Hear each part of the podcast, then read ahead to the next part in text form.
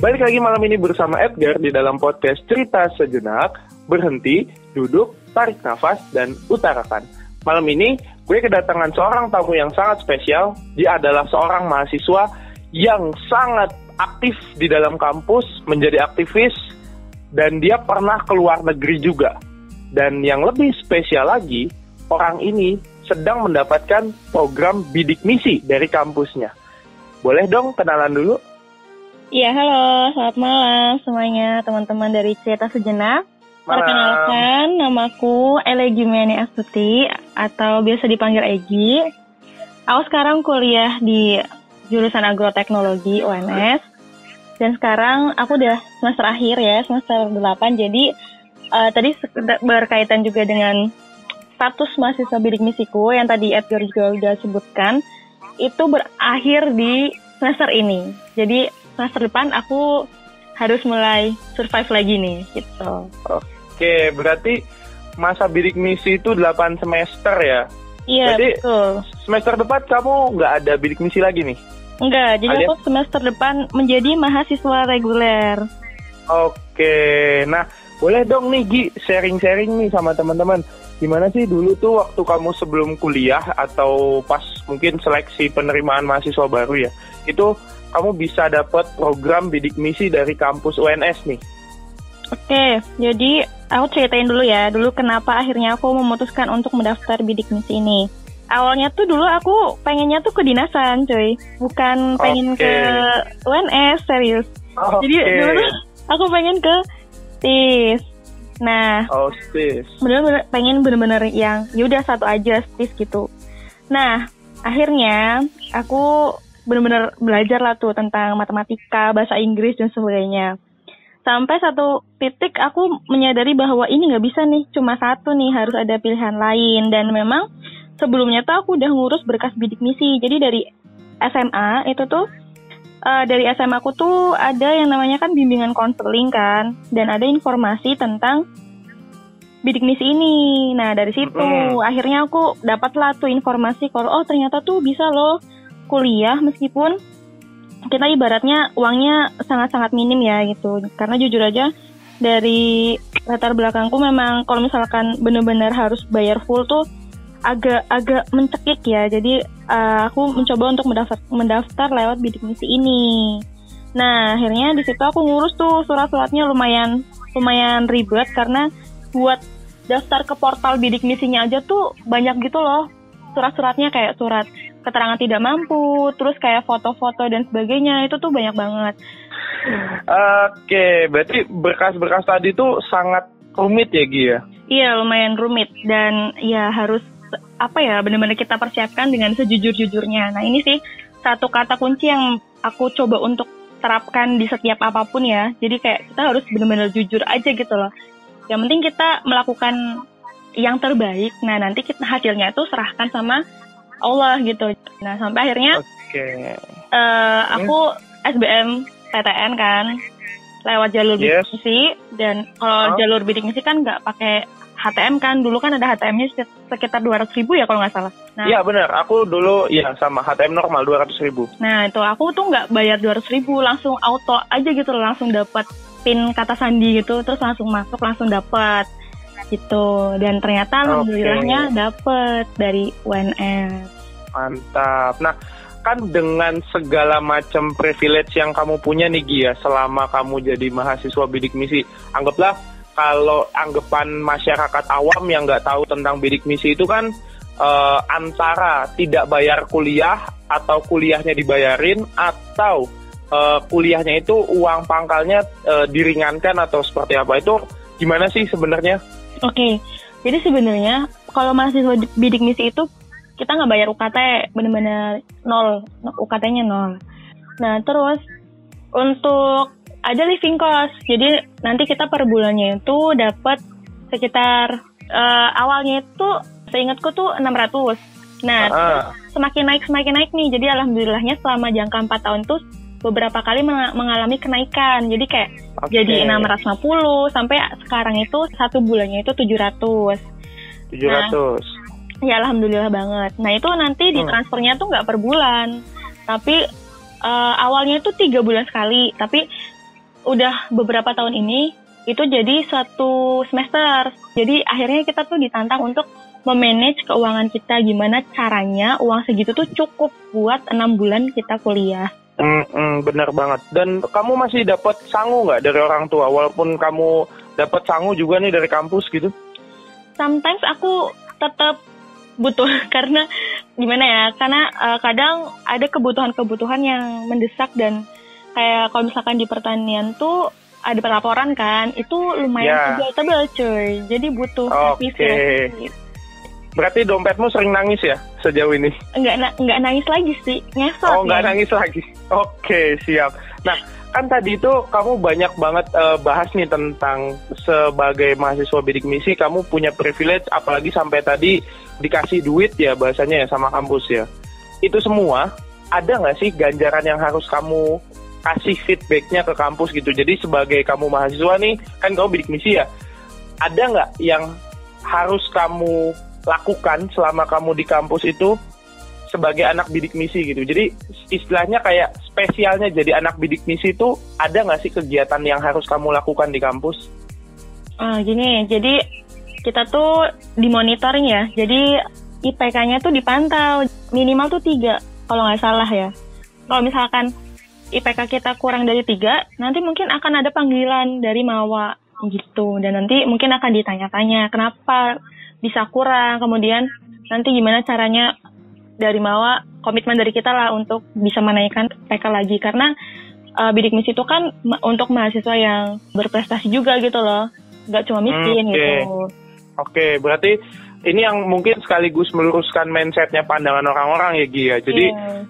bidik misi itu tidak hanya untuk orang-orang yang kurang mampu, tapi Uh-uh. juga mungkin orang-orang yang berprestasi dia berhak menuntut bidik misi itu. Mm-mm. Oke. jadi Eh, bahkan lebih diutamakan itu yang ya, yang dia berprestasi gitu kan banyak kan anak-anak yang berprestasi di luar sana tapi secara keekonomian mereka itu kurang kayak gitu nah bidik misi ini Betul. hadir buat mereka yang bersemangat tinggi gitu lah Oke, nah itu kalau dari jalur prestasi ya. Nah kalau dari bidik misi sendiri, ada nggak sih kayak tuntutan buat kamu misalnya eh, untuk prestasi yang non akademik gitu, misalnya jadi aktivis di kampus atau gimana itu ada nggak sih? Nah, kalau ini sih lebih ke kesadaran diri masing-masing dan juga minat orang beda-beda kan. Karena Oke, menurut aku mahasiswa itu ada beberapa jenis itu. Ada yang memang passionnya di organisasi, ada yang memang passionnya di kepenulisan atau mungkin yang lain-lain. Nah, Oke. untuk hal ini sih sebenarnya lebih ke arah yang penting kita tuh bisa buat sesuatu ketika kuliah.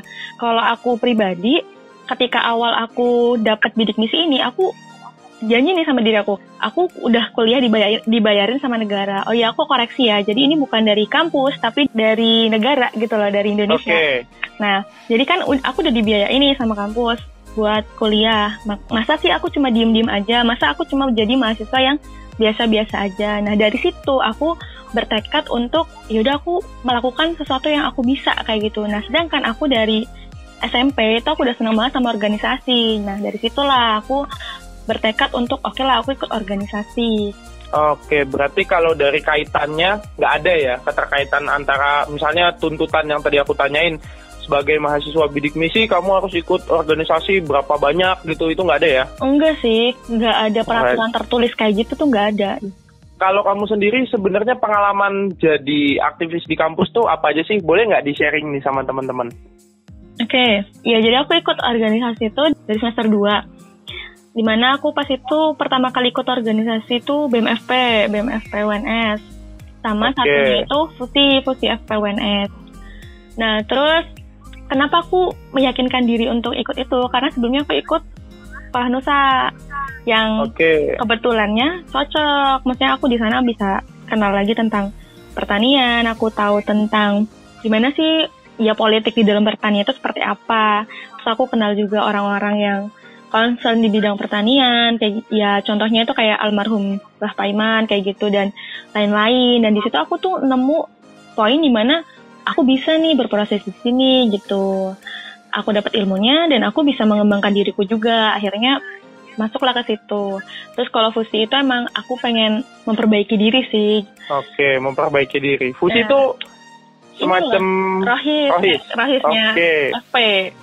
Nah, Oke, terus- rohisnya FP. Ah, awalnya kan tahun pertama itu aku jadi staff. Tahun selanjutnya Hmm. aku mengkerucutkan kan, nggak bisa tuh nyabang-nyabang lagi. Karena udah Hmm. ibaratnya tuh naik jabatan. Nah itu di, di tahun 2018 aku masih di BMF PWNS dan alhamdulillah dapat amanah di sana jadi kepala Oke. divisi itu. Oke. Terus lanjut lagi di 2019 aku dapat amanah lagi di BMF PWNS jadi menteri gitu. Oke, berarti riwayat karir organisasimu panjang ya. Karirnya itu Ya, ya. dari setiap tahun dari staff kemudian jadi kadif kemudian jadi menteri itu sebuah prestasi tersendiri ya kalau bagi sebagian orang gitu. Kalau aku mau sharing sedikit juga tentang riwayat organisasiku sama sih kurang lebih aku juga berkecimpung di dalam perpolitikan beberapa tahun terakhir di kampus gitu ya. Jadi kalau aku sendiri kan pernah ikut yang namanya SPB, Sekolah Penerus Bangsa. Ini kebetulan yang ada ini tuh BEM UNS ya. Nah, eh, waktu itu aku ada di SPB dan memang cukup eh, menaikkan namaku juga di situ. Jadi istilahnya kayak gaining name di SPB itu karena aku di situ jadi ketua kelompok gitu. Kemudian eh, aku pribadi juga pernah ada di BEM UNS waktu itu di tahun 2018. Kayak pas kamu jadi kadif itu ya, gitu ya. Iya betul. Nah, aku di BEM UNS itu kebetulan eh, masuk-masuk langsung dikasih amanah jadi wakil menteri waktu itu. Dan kementerian yang aku jalani itu bukan sebuah kementerian yang enteng karena dia adalah sebuah kementerian yang bertanggung jawab pada hubungan harmonisasi lembaga-lembaga di dalam kampus. Ditambah lagi waktu tahun 2018 itu aku bukan cuma ikut dua, bukan cuma ikut tiga, tapi aku ikut empat organisasi dan di semua tempat itu aku memiliki amanah sendiri-sendiri. Jadi kayak aku waktu di radio Visip itu posisinya waktu itu aku jadi pembantu kadif ya. Jadi kadifku itu waktu itu cewek dan kebetulan divisiku itu juga divisi yang kalau bahasa orang Jawanya lanangan gitu, divisi anak laki-laki karena divisinya itu adalah teknisi operasional dan produksi. Itu berat banget. Kalau kata orang radio sih itu kang kabel lah gitu, kang kabel sama kang son lah. Kemudian di tahun yang sama itu aku juga ikut di himpunan Himasos lebih tepatnya himpunan mahasiswa sosiologi sempat ditawarin jadi kadif tapi aku nolak karena posisinya sudah megang tiga jabatan struktural waktu itu dan sangat berat semuanya di Himasos itu akhirnya aku memilih untuk jadi staff aja untuk yang kedua kalinya karena itu tahun kedua aku jadi staff Tri dan satu lagi ini aku juga ikut di ranah yang sedikit beda nih jadi kalau BEM itu kan kita kenalnya ranah eksekutif ya Gi ya Iya betul. Nah, betul ya. Jadi di satu organisasi lagi ini aku ikutnya di ranah legislatif. Jadi di tahun yang sama aku itu ngikutin perpolitikan kampus dari ranah eksekutif dan perpolitikan fakultas di ranah legislatif. Itu aku ada di Dema Visit waktu itu dan jabatanku nggak main-main langsung jadi sekjen di tahun pertama aku daftar. Karena di Dema itu kan sistem pemilihannya itu pakai musyawarah ya, bukan kayak di BEM yang ditunjuk sama presiden. Benar-benar. Dema itu kan Lebih ah, ke arah itu kan musyawarah banget gitu lah. Betul, karena anggota Dema itu kan juga sifatnya dari partai, bukan open recruitment. Jadi dia itu musyawarah dan waktu itu aku ketunjuk jadi sekjen, jadi di empat jabatan di tahun yang sama. Wow, itu sebuah hal yang sangat berat. Jadi 2018 itu bagiku adalah tahun tahun, Tahun ayam geprek. diri. Nggak tahu Iya, ayam kamu- geprek sih. Tapi kamu benar. itu bener-bener kamu digenjot banget dan itu gak main-main loh maksudnya amanah sebanyak itu dan dengan Yes. semua kesibukan pasti kan perlu strategi yang khusus lah ya. Nah, itu tipsnya itu gimana sih Gi? Ngatur waktunya kalau dari kamu sendiri? Oke sebenarnya gimana sih cara aku untuk mengatur waktu ketika kuliah ya, ketika harus ngadepin kuliah, praktikum, organisasi, komunitas dan sebagainya. Itu eh, apa ya? Aku juga masih belum menjadi orang yang kayak benar-benar terstruktur banget tuh enggak, tapi kayak lebih arah, ke arah aku mencoba untuk menempatkan diriku ketika memang aku sedang dibutuhkan di A, yaudah aku benar-benar di situ gitu loh. Misalkan aku lagi kuliah, aku mencoba untuk semaksimal mungkin kuliah, benar-benar mendengarkan gitu. Nah, kemudian baru nanti aku ngurus yang lain. Jadi aku benar-benar spare waktuku untuk kuliah dulu. Nah, baru habis udah selesai kuliah, aku baru langsung ngurus yang lain. Contoh katakanlah aku harus ngurusin soal administrasi apa gitu. Nah, nanti aku baru ngurus itu. Bahkan aku tuh kalau misalkan hari hari-hariku udah mulai berat banget ya, di kamar kosku yang dulu tuh banyak banget tempelan-tempelan. Jadi hari ini harus misal jam 5 ya kak. Misalkan agendaku lagi padat banget. Jam 5.00 itu bangun. Terus ngapain? Terus jam segini jam segini ada rondenya sendiri. Bener-bener aku bikin rundown. Biar apa? Biar nanti tuh aku tahu habis ini apa habis ini apa habis ini apa. Nah oke. okay. bener-bener se, se strict itu. Bahkan di bukuku juga kayak gitu. Aku kayak udah berapa banyak buku yang bener-bener aku beli dan aku tulisin kayak gitu. Meskipun nggak setiap hari tapi aku menggunakan strategi itu ketika misalkan hari-hariku benar-benar lagi lagi padat-padatnya. Kalau misalkan hariku lagi normal-normal aja jadi aku lebih cool down nih. Jadi kayak oh ya aku udah tahu nih rundownku jam segini tuh ini. Jadi udah kayak jadi kebiasaan gitu. Itu sih okay. tips dari aku mungkin buat teman-teman semua.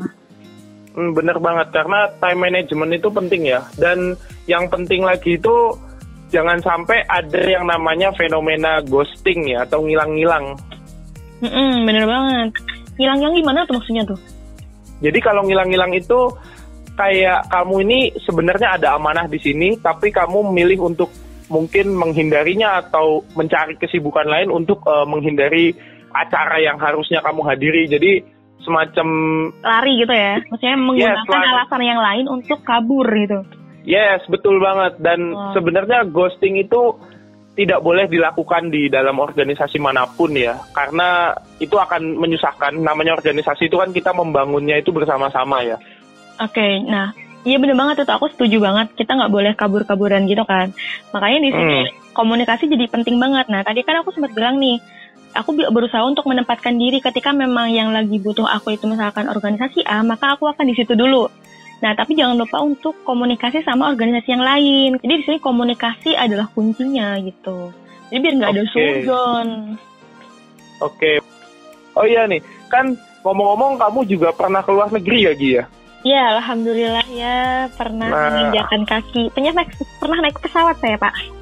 Oke, pernah naik pesawat. kalau naik pesawat sih kayaknya nothing special, tapi kalau nginjekin kaki di tanah orang itu kan pasti spesial karena tidak semua orang bisa melakukan itu ya. Eh jangan salah, naik pesawat buat saya spesial pak. Oh gitu. Benar-benar pertama kali itu pas pas berangkat itu. Oke, sama ya ya ya ya. Saya juga dulu waktu naik pesawat pertama kali tuh norak banget gitu loh. Ya, sampai norak sampai iya. dulu tuh aku tanya sama bapakku ya ini sendalnya dipakai gitu. Pakai aja. It, kalau ditinggal nanti sendalmu nggak ke bawah sampai rumah. Gitu kata bapakku. Coba coba. Ya ya dulu ya zaman soalnya aku pertama kali naik pesawat itu masih SD kalau nggak salah itu. Jadi ceritanya aku diajak bapakku ke Solo waktu itu kebetulan. Dan uh, habis menghadiri salah satu acara temennya bapakku itu pulangnya naik pesawat dan pas banget posisinya pertama kali itu naik pesawat. Ya jadi agak nora-nora dikit ya. Sampai bilang sendalnya dilepas atau enggak gitu. Dan bapakku hanya menimpali itu dengan ketawa gitu. Okay. nah itu tuh kamu dulu tuh gimana sih Gi? Uh, ceritanya bisa sampai ke luar negeri bisa sampai ada di mana dulu tuh luar negerinya? Vietnam Oh, Vietnam. Oke, okay. yep. itu sebuah negara yang juga anti mainstream ya karena kalau kita keluar negeri mungkin tahunya Malaysia, Malaysia, Thailand, yes, Singapura. Thailand, Singapura, pasti hanya segitu-segitu aja. Tapi kamu bisa ke Vietnam dan itu gimana sih ceritanya? Oke, okay. jadi ini panjang juga ya, ya nggak panjang-panjang banget sih dalam artian lebih ke arah untuk bisa mencapai ke titik itu aku perlu proses yang panjang sekitar ya dua tahun setengah lah ya jadi aku tahu. Yeah. Jadi ketika Samaru, uh, kita kan ada Samaru ya dulu ya, misalkan habis. Iya, yeah, sambut mahasiswa kan, baru. Mm, ada Samaru. Itu kan kayak sama kating-kating gitu kan, ngobrol-ngobrol. Nah, jadi pas itu tuh aku lagi ngobrol-ngobrol nih sama mas mbaknya, dijelasin lah tuh apa tuh prodi, prodi agroteknologi, apa aja yang ada di dalamnya. Nah, mereka tuh jelasin, di sini tuh ada loh yang namanya kelas internasional buat misalkan kalian pengen ke luar negeri. Nah, aku langsung dong kayak ah serius nih nah beberapa kayak satu tahun sebelumnya tuh aku sempat nulis kan kayak 50 target hidup aku gitu. Sebenarnya mau 100 tapi baru 50 doang yang aku tulis gitu. Salah duanya adalah satu naik pesawat, yang kedua keluar negeri gitu. Jadi ada Oke. tuh di 50 target aku itu.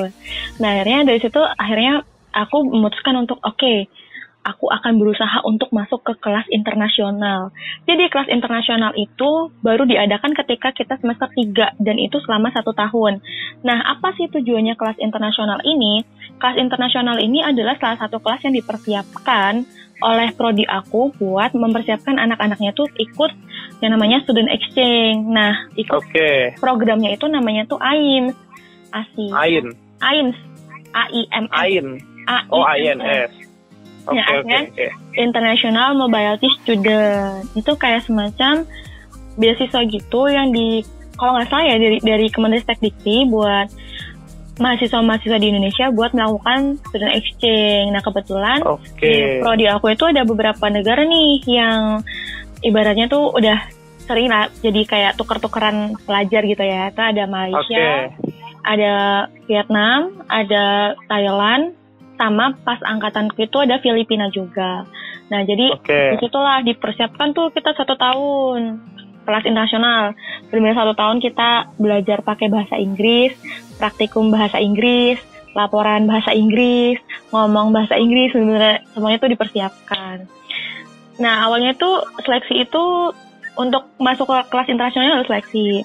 Buat berangkatnya Betul. itu juga harus seleksi lagi. Jadi seleksinya dua kali ini. Dua kali? Iya, seleksinya itu dua kali. Nah, pas seleksi pertama alhamdulillah nih aku masuk kelas internasional.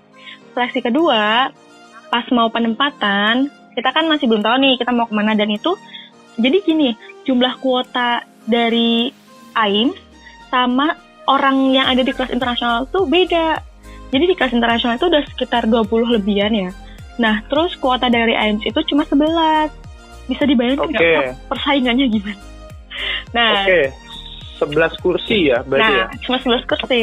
Makanya dari situ akhirnya kan eh, pasti ada yang tidak beruntung ya. Kebetulan ya, pas itu tuh memang aku juga ini ada tantangan banget sih ketika ketika wawancara kedua itu aku itu bertepatan sama ada LKMM nasional IBMP Ikatan BEM Pertanian Indonesia di Malang coba.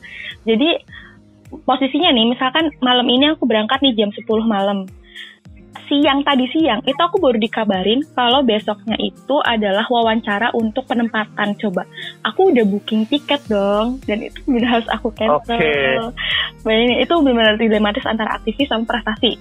Terus PR-nya adalah mempersiapkan diri aku menuju uh, wawancara itu. Tapi karena kondisinya kayak gitu aku nggak maksimal nih dalam menjalani wawancaranya dan uh, hasilnya adalah kodarullah aku nggak masuk di kuota AIMS itu.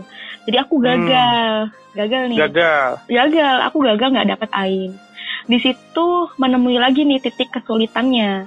Di mana udah nih kan udah 11 orang nih fix berangkat nih mereka udah dapat uang. Ibarat, ibaratnya kayak gitu kan. Nah Iya. yang lain sebagian besar yang lain gimana gitu kan? Kita nggak tahu kan. Sedangkan Betul. perjuangan perjuangan yang tadi aku udah ceritain itu tuh lumayan panjang. Ya nggak sih? Dari dari Yes, mulai benar. Seleksi ya kan? kelas internasional sampai harus apa kayak Wawancara. betul makanya itu jadi di situ aku juga sempat mengalami titik di mana aku hampir putus asa kan itu semester 4 kan semester 4 sedangkan Yes. programnya itu berlangsung selama sel- semester 5 jadi katakanlah dari bulan Maret lah bulan Maret sampai ke bulan Junian itu aku mengalami masa-masa di mana aduh gimana ya ini gak jelas banget nih berangkat nggak sih kayak misalkan kita coba tanya sama pihak FP pun kayak mereka juga bingung karena tahun-tahun sebelumnya tuh berangkat semua karena dari fakultas itu memang ada dana gitu. Nah tahun pas Oke. tahunku itu nggak ada tuh dana kayak gitu. Wah, makanya kita Hmm. puter-puter otak kan, aduh gimana ya. Sampai akhirnya sempat nih kayak aku di aku ngobrol sama temanku, gimana ya ini kita nggak jelas banget nih. Terus aku sampai sempat jawab kayak gini, ya Allah ini tuh aku bingung. Satu sisi aku digantungin kan, ibaratnya sama impianku ini tuh bener-bener lagi gantung banget nih antara terwujudkan atau harus terpadamkan lagi kayak gitu. Satu sisi di organisasi yang pas itu adalah 2018 itu aku posisinya kepala divisi itu juga aku dituntut untuk bisa maksimal juga kan di sana. Jadi aku benar-benar Yes, saat banget. itu harus harus push banget yang satunya tuh aku lagi digantungin gitu dan setiap misalkan aku ditanya kan gimana buat exchange-nya itu aku benar-benar nggak bisa jawab nanti aku aku kabarin lagi aja kalau misalkan udah ada informasi sampai akhirnya satu titik ada jawaban dari pihak kampus kalau misalkan coba ikut yang namanya global challenge dari UNS Global Kan ada ya? Challenge. Mm-mm. Ada, ada. Nah, meski itu kan masih masih baru tuh Global Challenge. Maksudnya belum belum sebanyak sekarang yang daftar. Yes, uh, Dari situlah kita diarahkan untuk mendaftar Global Challenge itu semuanya daftar. Nah, jadi aku sedikit cerita ya tentang Global Challenge ini adalah salah satu boleh, boleh. Ha. beasiswa dari UNS di mana memfasilitasi uh, mahasiswanya untuk go abroad. Buat teman-teman yang Oke. pengen keluar negeri nih, kalau misalkan di Global Challenge ini memfasilitasi dalam bentuk apa? Uh, programnya itu dari kita. Jadi kita yang mengusulkan program. Katakanlah aku usul program student exchange sama satu semester. Nah nanti di pihak Global Challenge-nya adalah mereka akan memberikan uh, ibaratnya kayak gini misal aku menawarkan program, mereka tertarik nggak? Dan mereka akan, ibaratnya kalau misalnya mereka tertarik, mereka akan membiayai programku kayak gitu. Oke, Kayak misalnya kayak paham, gitulah. paham. Makanya Mm, mm, mm. programnya itu dari kita. Banyak banget di programnya. Ada yang misalkan internship juga ada, ada yang research juga ada gitu, macam-macam. Oke, Nah habis itu dari situlah akhirnya aku mencoba dan dalam hatiku aku benar udah pasrah kayak Bismillah ini ikhtiarku yang benar-benar aku udah uh, ibaratnya tuh kayak di sisa-sisa keyakinanku, di sisa-sisa ketabahanku dan ternyata alhamdulillahnya uh, berkas lolos nih, alhamdulillah berkas lolos. Nah yang kedua itu kan wawancara. Nah tahu nggak detik detik-detik terakhir wawancara itu tuh yang lain tuh udah kayak misalkan ya kita kan biasa kan kayak misalkan bikin skrip gitu jawaban-jawaban. Yes, kan ada kan eh, misalkan itu pertanyaan apa aja nih yang kira-kira akan muncul. Yes, detik-detik ah. terakhir di mana kayak aku juga udah sempat kayak derdek gitu kan ada yang grogi grogi gitu. Aku berusaha untuk oke tenang kamu udah mempersiapkan semuanya tinggal kamu menghadapinya dan itu berhasil ternyata ketika aku masuk nggak tahu gimana caranya lancar aja tuh ngomong dan Mm-mm. alhamdulillahnya dari pengujinya juga baik dari situ Oke. benar aku merasa dimudahkan alhamdulillah akhirnya aku dapat dapat global challenge Kesempatan. itu. iya dapat Iya. kesempatan Oke, berarti di Vietnam dapat beasiswa dari UNS da- dalam rangka berarti programmu waktu itu apa Gi ke sana itu? Ah, jadi programku itu namanya student exchange sih. Jadi kayak kita pertukaran pelajar di sana. Aku kuliah Mhm. di sana. Jadi aku selama satu semester tuh kuliah di sana. Nah, Satu univ- semester. Iya, satu semester. Nah, Oh, berarti kamu lumayan lumayan, lumayan lama. lama. Iya, lumayan lama. Hampir Hmm. empat bulan aku di Vietnam.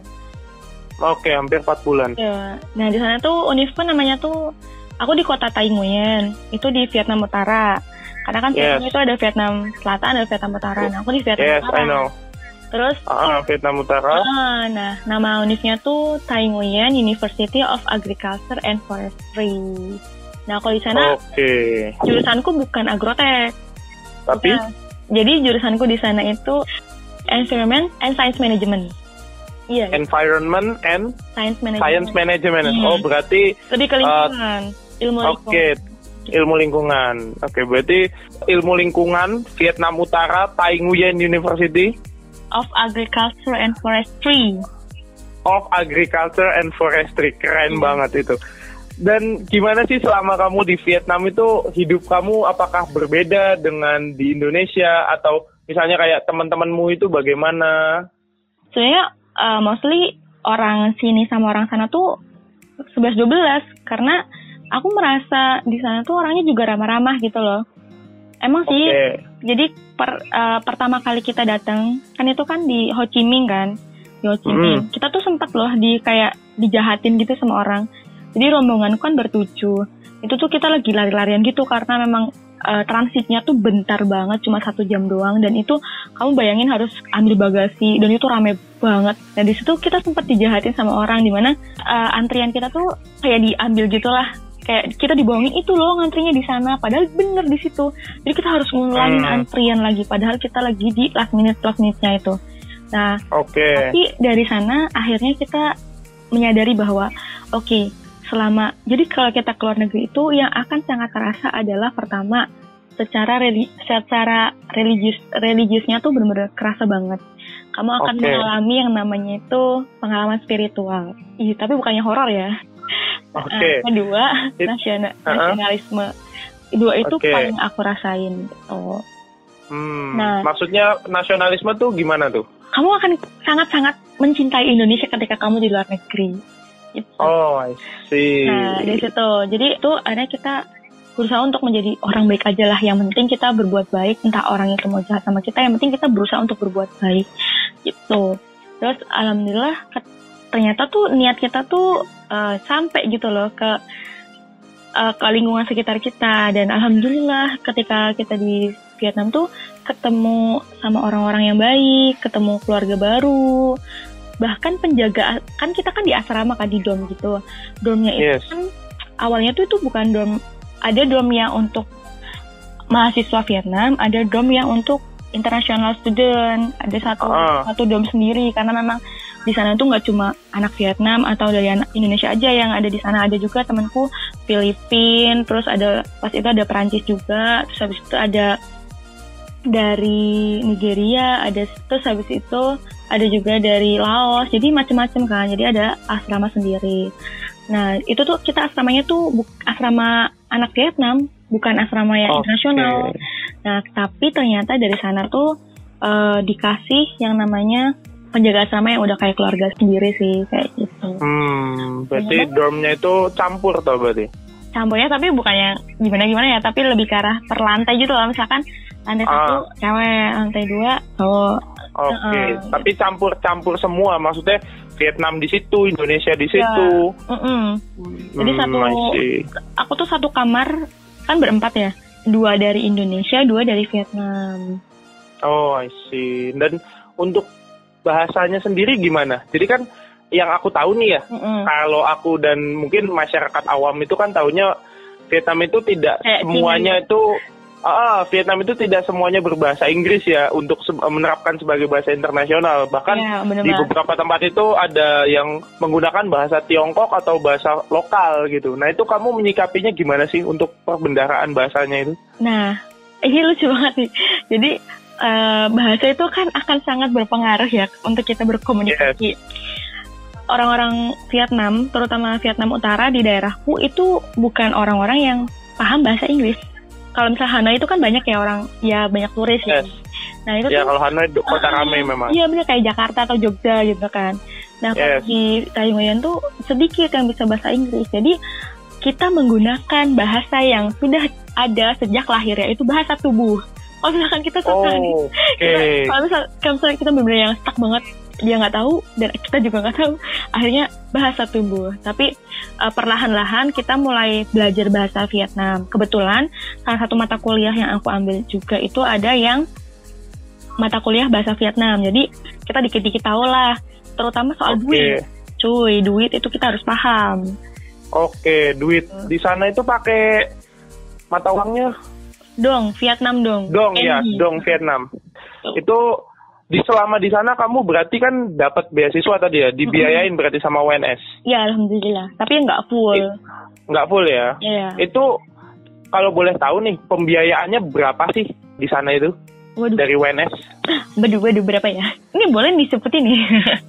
boleh, boleh. Jadi uh, untuk biaya yang di, yang di cover sama UNS adalah uh, satu itu tiket pesawat itu yes. pesawat itu kita benar-benar udah nggak usah mikir ya dan mm-hmm. adalah nanti dari UNS yang memesankan kita tinggal bilang aja tuh kita maskapainya apa jam berapa nanti UNS yang mesenin nah yang kedua okay. itu adalah living cost atau biaya hidup living cost mm. oke okay. jadi um, intinya sih kalau case aku ya case yang aku pas ke Vietnam si tiket pesawatnya sih ini lebih tinggi daripada living costnya tapi semua okay. itu sudah dipertimbangkan. Jadi dari pihak international office pun sudah sangat mempertimbangkan mengenai biaya hidup. Jadi kebetulan aku dapatnya sekitar 6 jutaan itu untuk living cost dan 6 juta untuk living cost itu apa kalau di Vietnam itu banyak banget gitu loh. Jadi alhamdulillah Hmm. sih dengan uang segitu aku bisa bertahan sih dan memang aku akhirnya menambah dengan uang saku sendiri tapi jatuhnya itu uh, bukan untuk keperluan yang pokok ya tapi lebih ke arah misalkan kayak untuk travelingnya gitu oleh-oleh gitu nanti ini dari uang sakuku kayak gitu tapi untuk Oke. living cost sih mostly udah udah sangat membantu banget sih itu Udah sangat membantu. hmm, Itu yang tadi kamu bilang berdua sama orang Indonesia itu anak WNS juga tuh? iya anak PNS juga dia temanku Hmm. Oke oke pengalamanmu berarti sangat banyak ya. Kalau aku dulu tuh pernah mau keluar negeri tapi gagal gitu. ya sih? Ceritanya waktu itu aku mau yang jauh sekalian ke Arab gitu ya. itu umroh pak Ah, itu apa sebenarnya aja nih? dalam rang dalam rangka umroh tapi diajak keluarga bukan dari kampus Oh. gitu. Dan kebetulan waktu itu momennya sangat tidak memungkinkan untuk ke jalan jadi ya sudahlah biarin bapakku dan ibuku saja yang Wah, iya, uh, iya, iya. ke negeri sana berdua gitu. Jadi kalau aku pribadi sebagai mahasiswa ya, aku belum pernah sih merasakan ke luar negeri. Bahkan sebagai personal bukan sebagai mahasiswa pun, aku juga masih memiliki keinginan untuk keluar negeri gitu. Nah, boleh nggak sih kamu sharing nih tips kamu untuk uh, mahasiswa-mahasiswa yang mau keluar negeri? Harus apa sih? Kayak tadi aku bilang ada yang harus dijadikan keahlian kah atau sering-sering cari info kah atau gimana? Nah, iya sebenarnya itu juga termasuk ya. Pertama sih, mungkin ada beberapa tips yang mungkin bisa dicatat. Yang pertama, Mm-mm. eh, mantapkan niat dulu, luruskan niat. Kamu pengen keluar negeri itu mau apa? Apakah hanya sekedar untuk konten Instagram atau memang kamu pengen mencari ilmu atau apa? Pokoknya luruskan niatnya dulu benar-benar lurus mau apa, mantepin niatnya karena itu yang akan menguatkan teman-teman ketika teman-teman jatuh. Nah, yang kedua, Yes. sering-sering cari informasi. Nah, di sini benar-benar kita tuh nggak akan tahu informasi apa-apa kalau misalnya kita cuma diem aja. Aku pengen keluar negeri tapi aku diem aja. Nggak mungkin itu terjadi, saudara-saudara. Jadi harus uh, juga cari aktif cari-cari informasi. Yang ketiga, uh, zaman sekarang ya kita tuh benar-benar butuh yang namanya pengakuan atas kemampuan kita, yaitu dalam hal ini adalah TOEFL ataupun IELTS. Nah, di sini tuh mentorku Kak Tria tuh sering banget bilang kalau benar-benar kita tuh harus mempersiapkan TOEFL dan juga IELTS soalnya misalkan TOEFL atau IELTS ya. IELTS kan misalkan yang S2, tapi at least TOEFL gitu loh biar kita kalau misalkan mau keluar negeri itu udah gampang kita mau ikut apa-apa itu udah enak gitu loh nah yang ketiga tuh uh, benar-benar harus pantang menyerah sih karena yang aku bilang tadi gejolaknya tuh apa ya jalannya itu berliku. Makanya teman-teman di sini harus pantang menyerah. Kalau misalkan teman-teman menyerah ya mimpi itu hanya akan sekedar mimpi kayak gitu. Oke, sih. mantap ya kita udah sharing banyak banget tentang mahasiswa dari bidik misi, kemudian aktivis sampai ke luar negeri dan kayaknya banyak banget ya hal yang bisa kita ambil di perbincangan kita malam hari ya, ini nih. semoga bermanfaat ya teman-teman semua Iya, amin ya. Eh, ngomong-ngomong, makasih banget ya Egi ya udah nemenin gue di podcast malam hari ini. Eh, semoga juga mimpi-mimpi kamu juga tercapai. Mimpi-mimpi semua orang mungkin juga akan tercapai dengan Amin. versinya mereka masing-masing dan semoga aja cerita dari kamu ini bisa menjadi inspirasi buat banyak orang gitu nih. amin ya Allah Amin, amin. Sekali lagi makasih banget udah nemenin malam hari ini. Semoga sehat selalu dan jaga kesehatan ya karena pandemi ini tidak mengenal tempat dan tidak mengenal orang. Oke, mungkin segitu aja yang bisa aku dan Egi sampaikan. Sampai jumpa di episode berikutnya. Bye-bye. Bye.